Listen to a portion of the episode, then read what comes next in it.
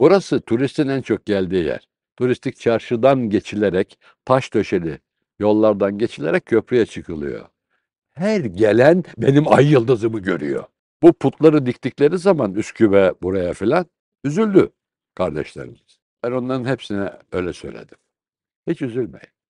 Everest'in tepesine dikseler hilal daima yukarıdadır. Legal Corner, hukuk bürosunun katkılarıyla hazırlanan Dinle Ney'den başlıyor.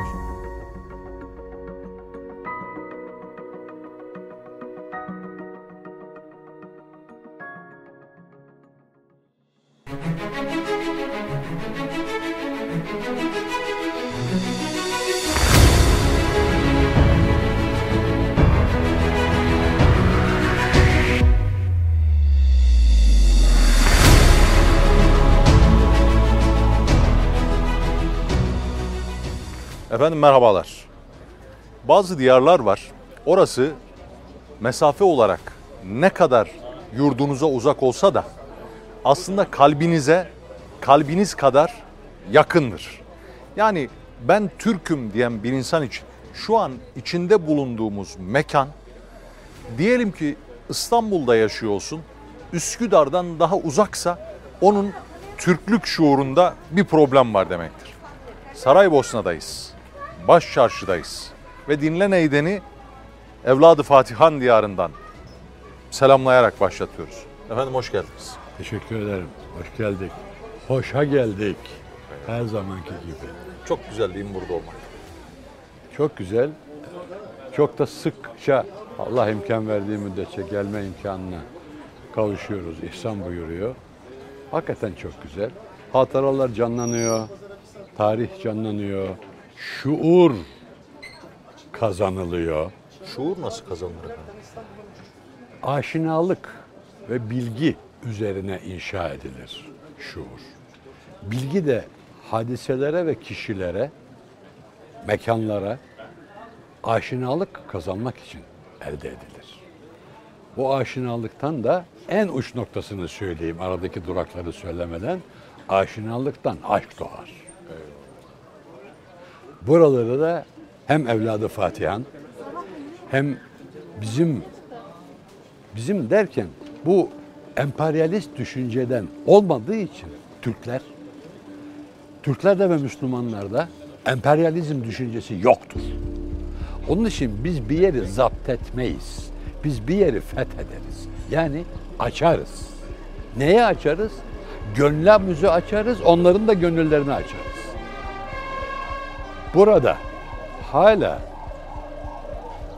bizim havamızı koklayabiliyor isek işte bu zapt etme işimizden, açmamızdandır.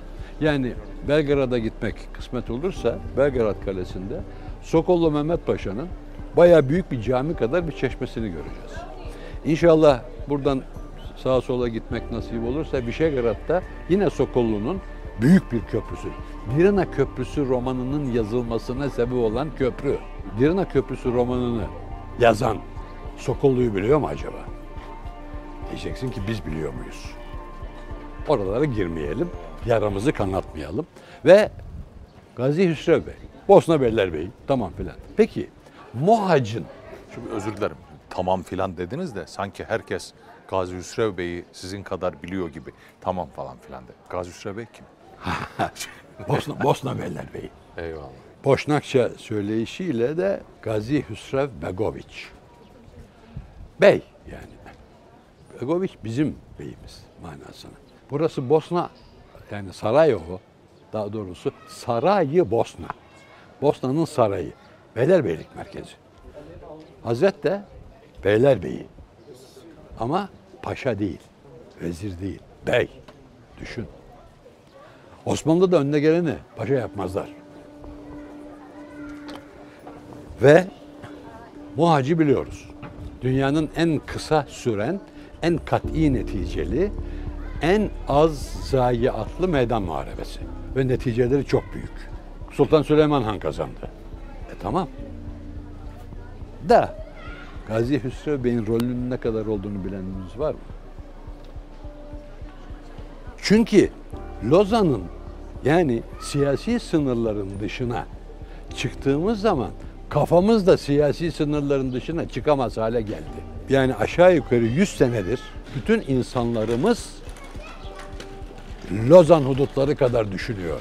Tefekkür dünyamızı da daralttırdılar. Kim daralttı? Türkiye'nin dışında Türk yoktur diyen zihniyet. O zihniyetin kim olduğunu ben söylemeyeceğim. Sevgili dinleyenler biraz araştırsınlar. Dinlemekle kalmasınlar. Okumakla da kalmasınlar. Tetkik etsinler. İşte o Türkiye Cumhuriyeti'nin Lozan'da çizilmiş sınırlarının dışına çıkamayan zihniyet Gazi Hüsrev Bey'i tabii bilmez. Muhacı da bilmez.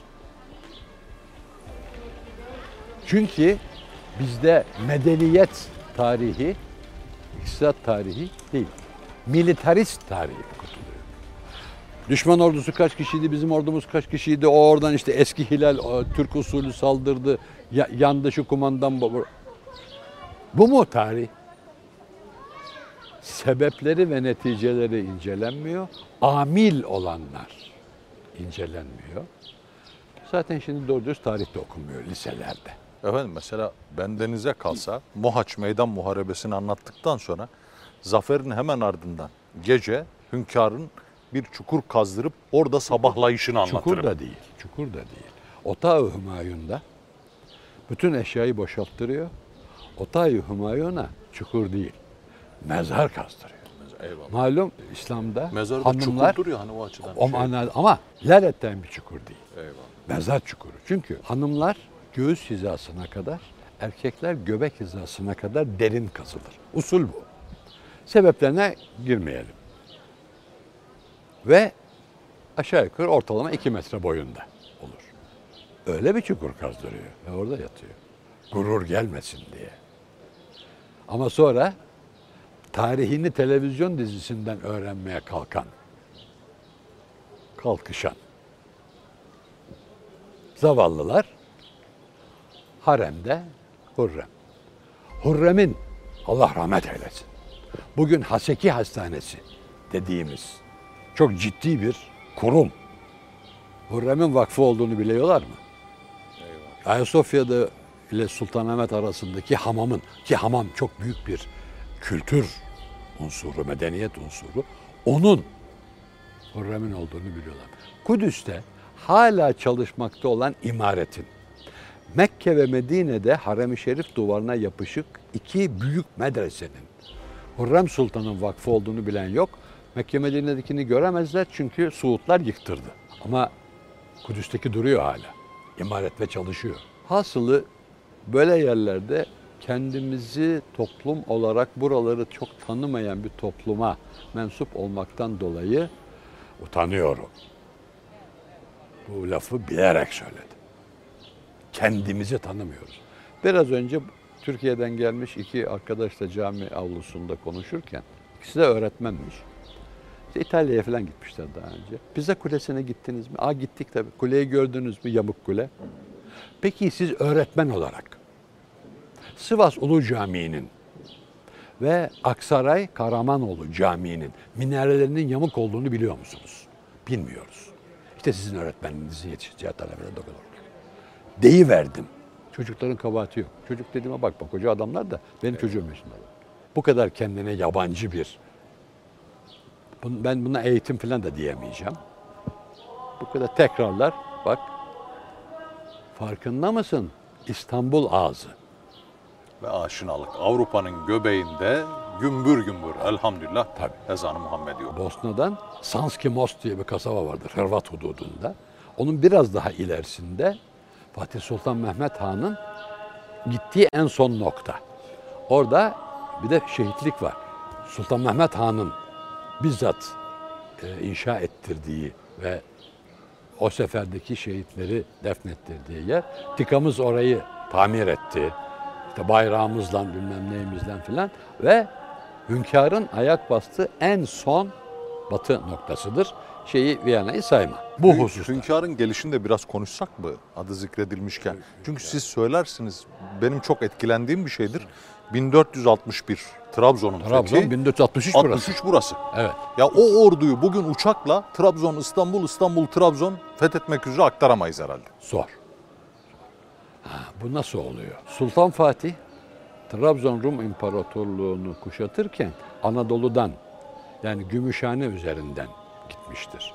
O sırada da Karamanoğlu'nun arası açık. Karamanoğlu ile enişte kayınbirader oluyorlar ama Karamanoğlu ikbal peşinde.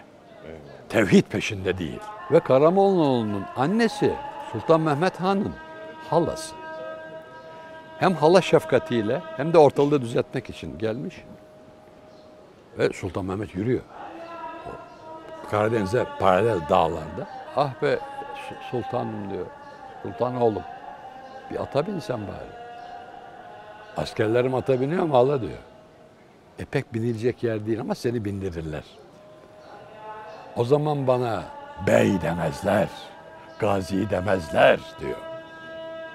Ben gaza için buradayım. Ondan neyse ben de oyum. Sadece idare, yönetim, sevk o benim vazifem. Ama onlar da karavana yer bende. Onlar yayan yürür bende. İşte 1461'deki Trabzon'dan 1463'teki Bosna'ya getiren bu gönüldür. Çünkü muharebe bilekle değil, yürekle kazanılır. Yürek doğru çalışırsa bilek doğru çalışır. Peki hani bugüne uyarlarsak şöyle diyebiliriz galiba.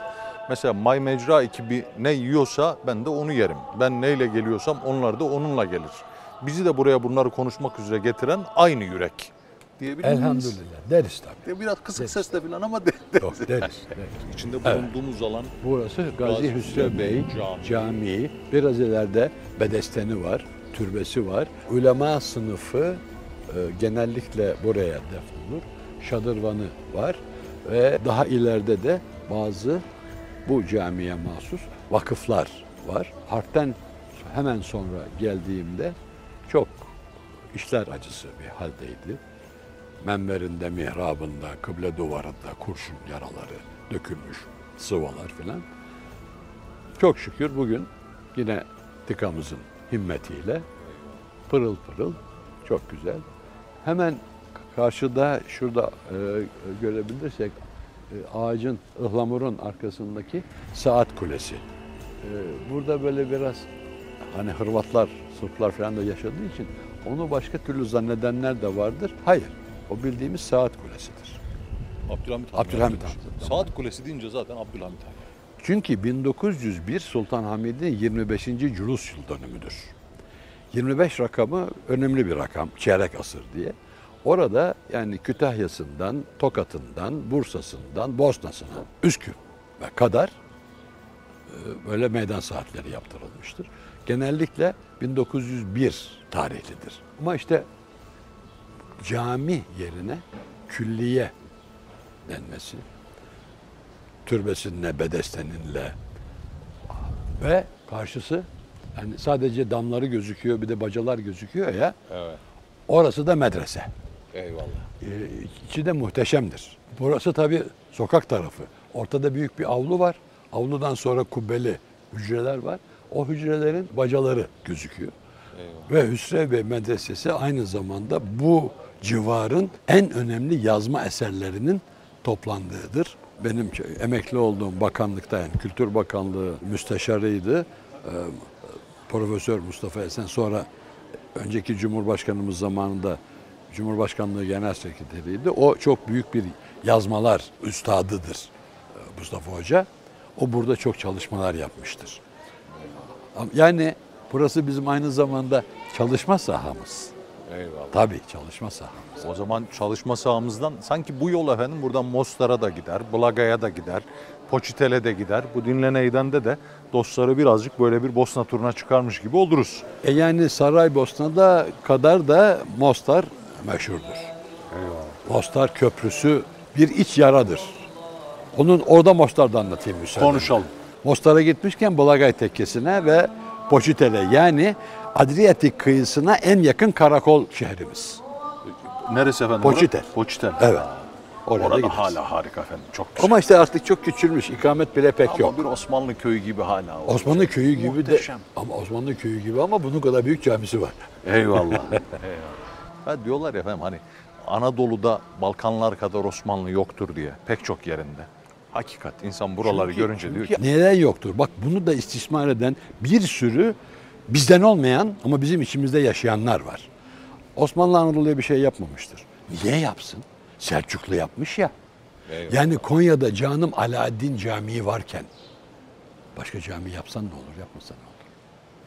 Diyarbakır'da Ulu Cami varken, Sivas'ta keza, Eyvallah. Erzurum'da keza, Selçuklu, Amasya keza. Niye yapsın? Bizim davamız, bizim işimiz ilahi kelimetullah ve fütuhat-ı İslamiyedir.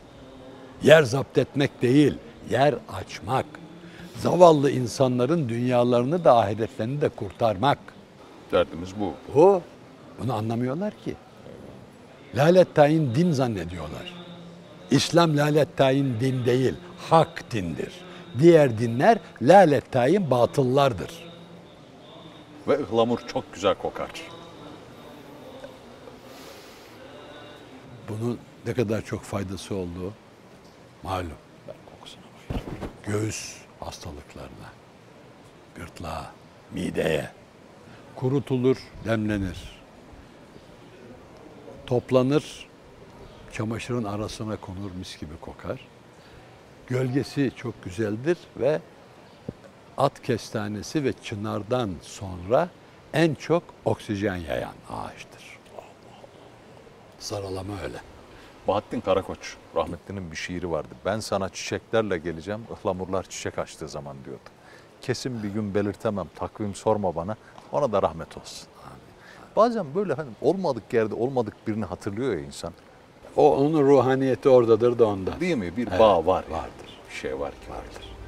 İnşallah biz de güzel yerlerde. Hazır ezan okunmuşken biz de cemaate iştirak edelim. Dört mü kılacağız?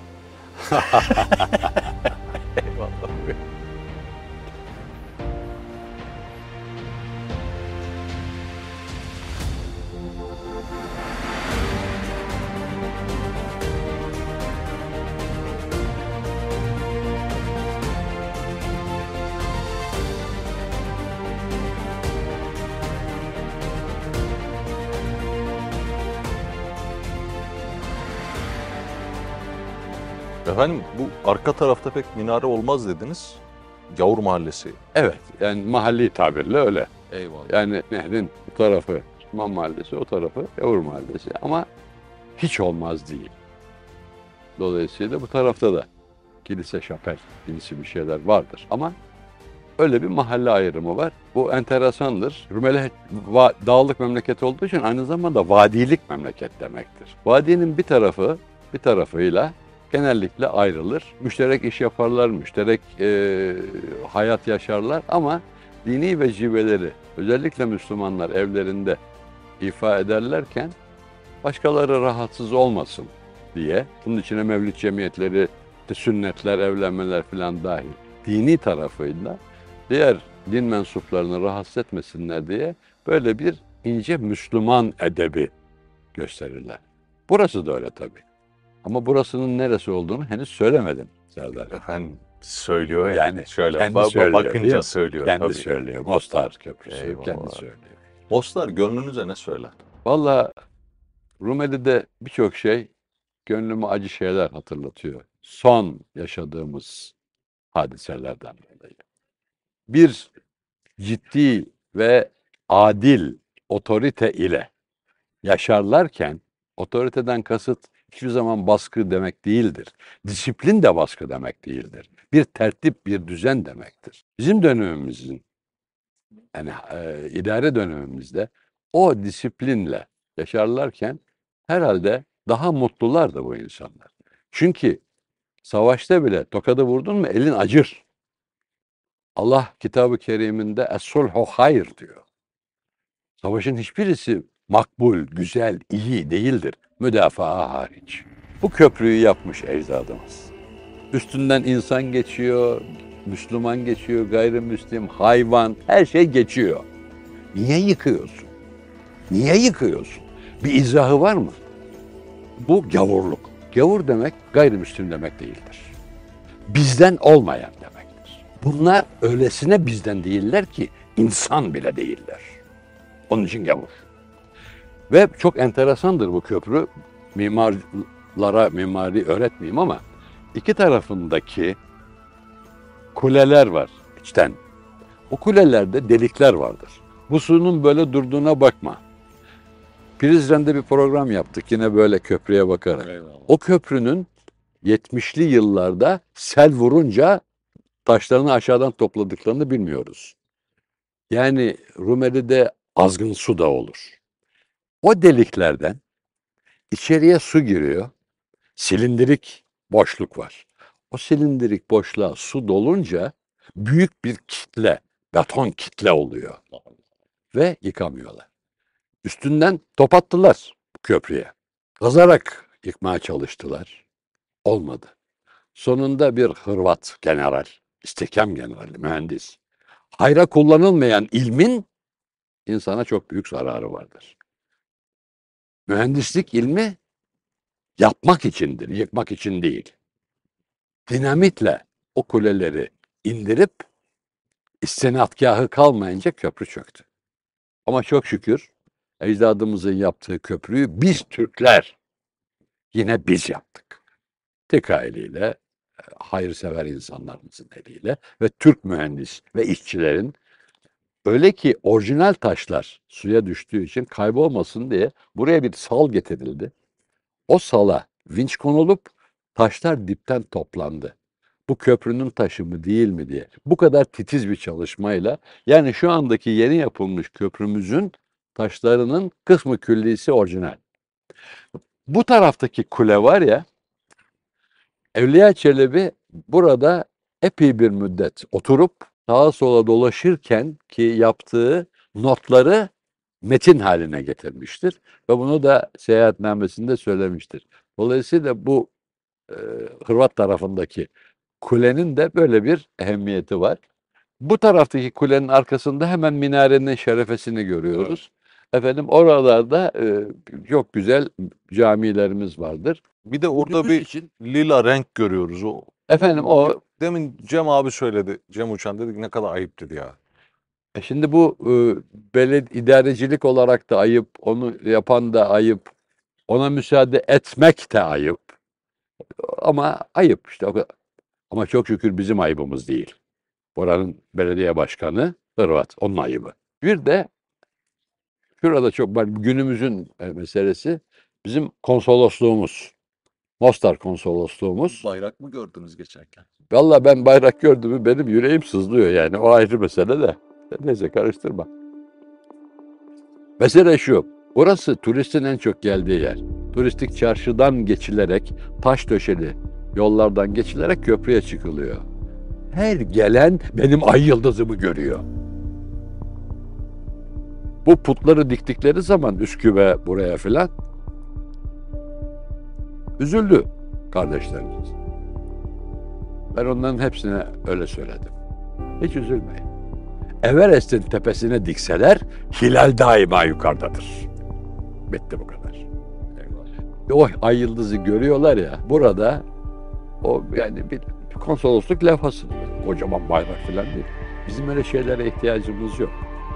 Bizim ay yıldızımızın rozeti bile onlara böyle bir çeki düzen verdirttirir. Ama megalomansın. Demeyin. Ben bütün dünyayı dolaştım. Bu çok ciddi bir tespit ve hakikattir. Rozetteki ay yıldız yeter. Ama Rumeli'de bir programı bir yerde bitirmek başka yerlere haksızlık oluyor diye istersen Mostar'ın hemen yakınındaki meşhur Blagay tekkesinde programı kapayalım. Pek güzel. Eğer müsaade edersen. Estağfurullah efendim. Nasıl sahibi teessüp? sensin. Buyurun. Estağfurullah efendim. Dükkanın sahibi siz. Yani Bosna'da yani Saraybosna şehrinde başladık. Mostar'ın hatta bütün Balkanların sembollerinden biri olan köpründe yaptık. Blagay Tekkesi de hem çok eski olmak hem tabiatındaki değişiklikler ve halen savaştan sonra yeniden ihya edilen bütün dervişlerin senede bir gün toplanıp ayin yaptıkları yer olarak, güncelliğini de koruyan bir yer olarak orası da önemli. Orada da Pek güzel Fet- olur. fethi kelam Bosna'da, hatmi kelam Bulagay'da olur. Pek güzel olur efendim. Zira biraz daha oturursak Sıcaktan eriyeceğiz. sıcaktan eriyeceğiz ve yüz rengimiz değişecek. Seyircimiz zannedecek ki Mostar'ı çektiler, 10 gün gittiler Karadağ'da tatil yaptılar sonra Blaga'yı çektiler. Nerede bizde o talih Serdar'ım? Ne, ne dediniz efendim? Nerede bizde o talih? Yok sonra bir şey dediniz. Serdar'ım dedi. Allah. O zaman görüşmek üzere Bulagay'da.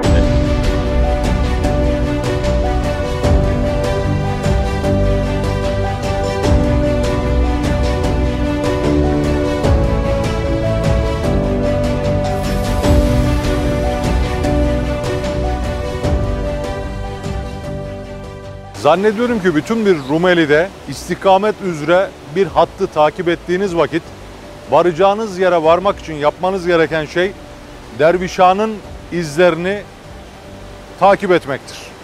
Blagay'dayız. Bosna yolculuğunun bu bölümünün son durağında Alperenler Tekkesi'nin önündeyiz. Pek güzel bir su sesi, şelale, muhteşem kayalıklar, şuranın hatırası, yaşanmışlığı, Ma- mağaradan doğan bir su ve coğrafi yapı olarak, jeolojik yapı olarak da burada mağaraların ve kendiliğinden oluşmuş havalandırma dikey tünellerinin olduğu varsayılıyor. Çünkü buranın ilk kuruluşu bir bina olarak değil. Kurum ama o kurumun müntesipleri bu kaya kovuğu ve mağara lafı iptidailik gibi geldiği için sevmiyorum ama başka bir laf yok. Aslında mağara içinde de çok ciddi bir medeniyet vardır. Bizim zamanımızdaki Kudüs'ün mağara evlerini tetkik ederlerse eğer ne kadar saltanatlı, o sıcakta ne kadar güzel bir mekan olduğunu, bir ev olduğunu pekala görürler ama öyle bir peşin hükümle işte mağara olunca iptidailik, ilkellik geliyor. Öyle değil. Bütün bu Rumeli'de pek çok yerde kabri olduğu iddia edilen, rastlanan Zat-ı Şerif kim? Sarı Selçuk. Buradası da Sarı Saltuk'a atfedilir. Ohri'de Sarı Saltuk var. Kosova İpek'te Sarı Saltuk var. Prizren'de Sarı Saltuk var. Romanya'da Sarı Saltuk var. Ama bunların aslında Sarı Saltuk'un temsil ettiği gönül fatihleri. Burada bir müessese var aslında. Bu insanlar Horasan erleri olarak illa Horasan'dan çıkmış olmaları değil, Horasan'daki ekolün temsilcileri olarak buralara geliyorlar. İslam şöyledir, İslam böyledir diye anlatmıyorlar.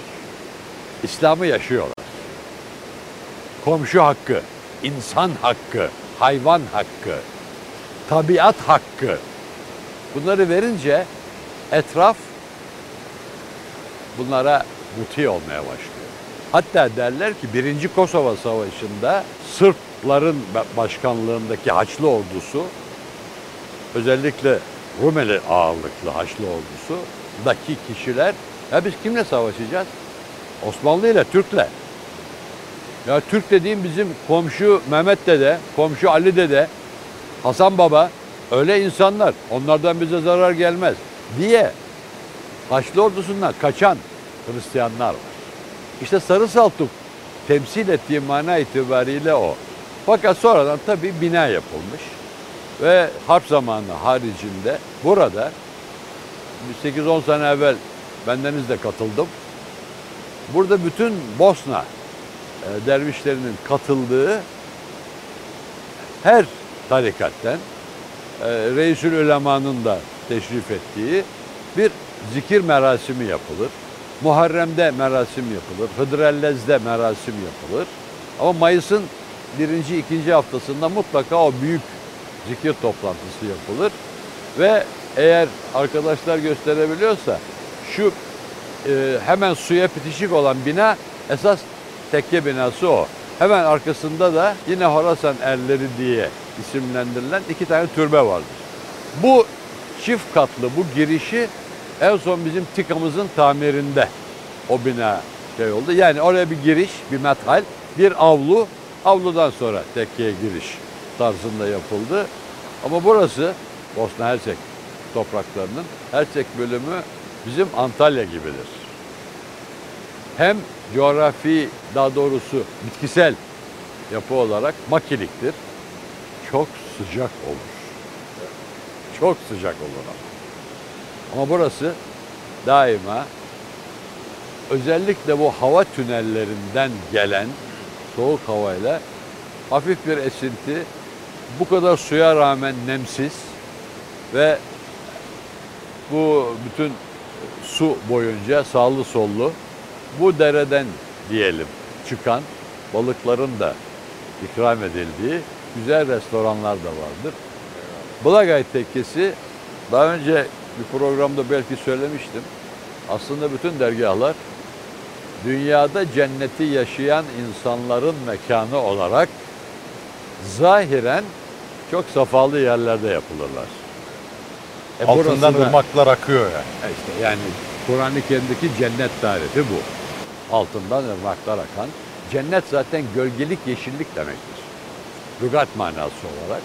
Aslında bir mekandan ziyade altından ırmaklar akan gölgelik yeşillik bir yerde insanın duyacağı iç huzurunun ebedi olanı. Yoksa cennet piknik yeri değil, dere boyu değil. Ama buraya gelip de bir iç huzuru duymayan insan olmaz. O iç huzurunun adıdır aynı zamanda cennet. Sadece mekanın değil, halin de adıdır. O hali tahlil ediyorlar. Eyvallah. Burası çok güzel bir yerdir ve Bosna seyahatinin son noktası bir pırlanta tanesi gibi cümlenin sonuna düştü. Eyvallah. Gerçi şunu da söyleyeyim müsaadenizle. Biz bir dinleneyden daha yapacağız Bosna'da. Bu defa Novi Pazar'da. Sancak'ta O- inşallah. o Bo- Bosna değil o Sırp toprağı ama insan olarak yani Sancak bölgesi bugün Karadağ Sırbistan arasında bölünmüş olan e, Sancak bölgesi zaten Boşnakların bölgesidir. E, aynı in- tip insanlar, aynı merasimler, aynı adetler, aynı. A, Sırp toprağında olması sadece bir siyasi sınır farkı. Dolayısıyla dediğin bir yandan doğru. Yani yine Boşnaklarla olan bir memlekette bir dinleneyden daha Ama yapacağız inşallah. müsaade ederseniz ben şunu sormak isterim. Buradaki programın son sorusu şu olsun. Fatih Sultan Mehmet Han burayı fethettiğinde Boşnaklar ahitname Fatih Sultan Mehmet Ağa diyorlar. Evet. Oranın gayrimüslim tebaasına öyle bir ahitname veriyor ki hepsi birden eyvallah. diyor. Şimdi- Onu konuşarak bitirelim. Şimdi inanç hürriyeti bugün aşağı yukarı dünyanın her memleketinde lafta kalmıştır. Amerika'da bir Müslümanların birkaç aile olduğu bir yerde 1980 yılı bir cami yapılmak istendi. Bütün etraftaki Yahudi ve Hristiyanlar burada camiye ihtiyaç duyacak kadar kalabalık yok diye itiraz ettiler. Ve itiraz kabul edildi. Fakat yine de ehvenişer bir tavırla 10 senelik bir müddet içinde o Müslüman arkadaşların arkadaşları oralarda evler aldılar ve artık bir ibadethaneye ihtiyaç duyulacak çoğunluğa geldik dedikleri zaman izin verildi. Bu kadarcık bir şey var. Ama hakiki bir inanç ve inancını yaşama hürriyetinden 21. asırda söz etmek benim ölçülerime göre değil. Objektif ölçülere göre mümkün değildir. Ama 1463'te Sultan Fatih Mehmet Han'ın o fermanıyla inanç hürriyetinin yaşaması padişahın şahsı kişi değil. Padişahın şahsı devleti temsil eder. Biz bayrağa bez parçası diye bakmıyoruz. Gözümüzü yaşartıyor. Bir bez. Ama ihtiva ettiği sembol. Dolayısıyla padişahın şahsı devlettir. Devlet teminatı altına aldığını veriyor ve o zaman burada çok ciddi bir Katolik ve Ortodoks kavgası var. Onu bilmiyorlar. Ortodokslar Katoliklere putperest derler. Katolikler Ortodokslara sizin hükmünüz yok derler. Ha hepsi Hristiyan mı? Bizim gözümüzde Hristiyan. Birbirlerini kabul etmezler. Afaros kurumu var Katoliklikte. Ona rağmen ister Katolik olun ki Arnavutluk ve bu tarafa doğru e, Bo- Bosna kıyıları, şimdiki Hırvatistan kıyıları, Dubrovnik vesaire orada daha çok Katolik vardır. İçerilerde daha çok Ortodoks var. Fatih Sultan Mehmet Han'dan za- zamanından bahsediyorum.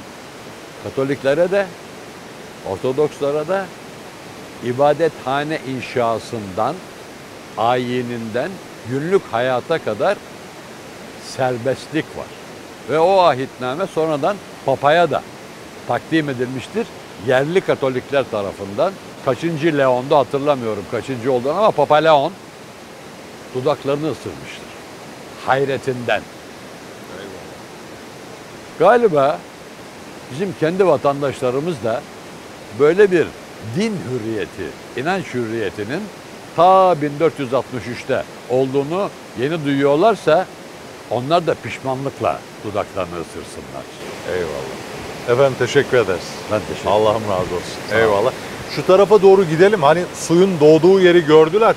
Seyirci Evet. bir de A- suyun a- a- aktığı, aktığı- yeri, aktığı gittiği yeri de yeri görsünler. görsün. Olmaz mı? Evet. Buyurun biz şöyle yürüyelim. Buyurun. Arkadaşlar da o tarafı da bir suretle gösteri vermiş olsunlar. Çok güzel efendim. Yani şu Tabii. muhteşem bir yeşillik. Renkler. Es- eskiden bu taraf yoktu. Şu alanlar hiç mi yok? Bom, bom. Allah Allah. Bayağı bildiğin böyle arazi.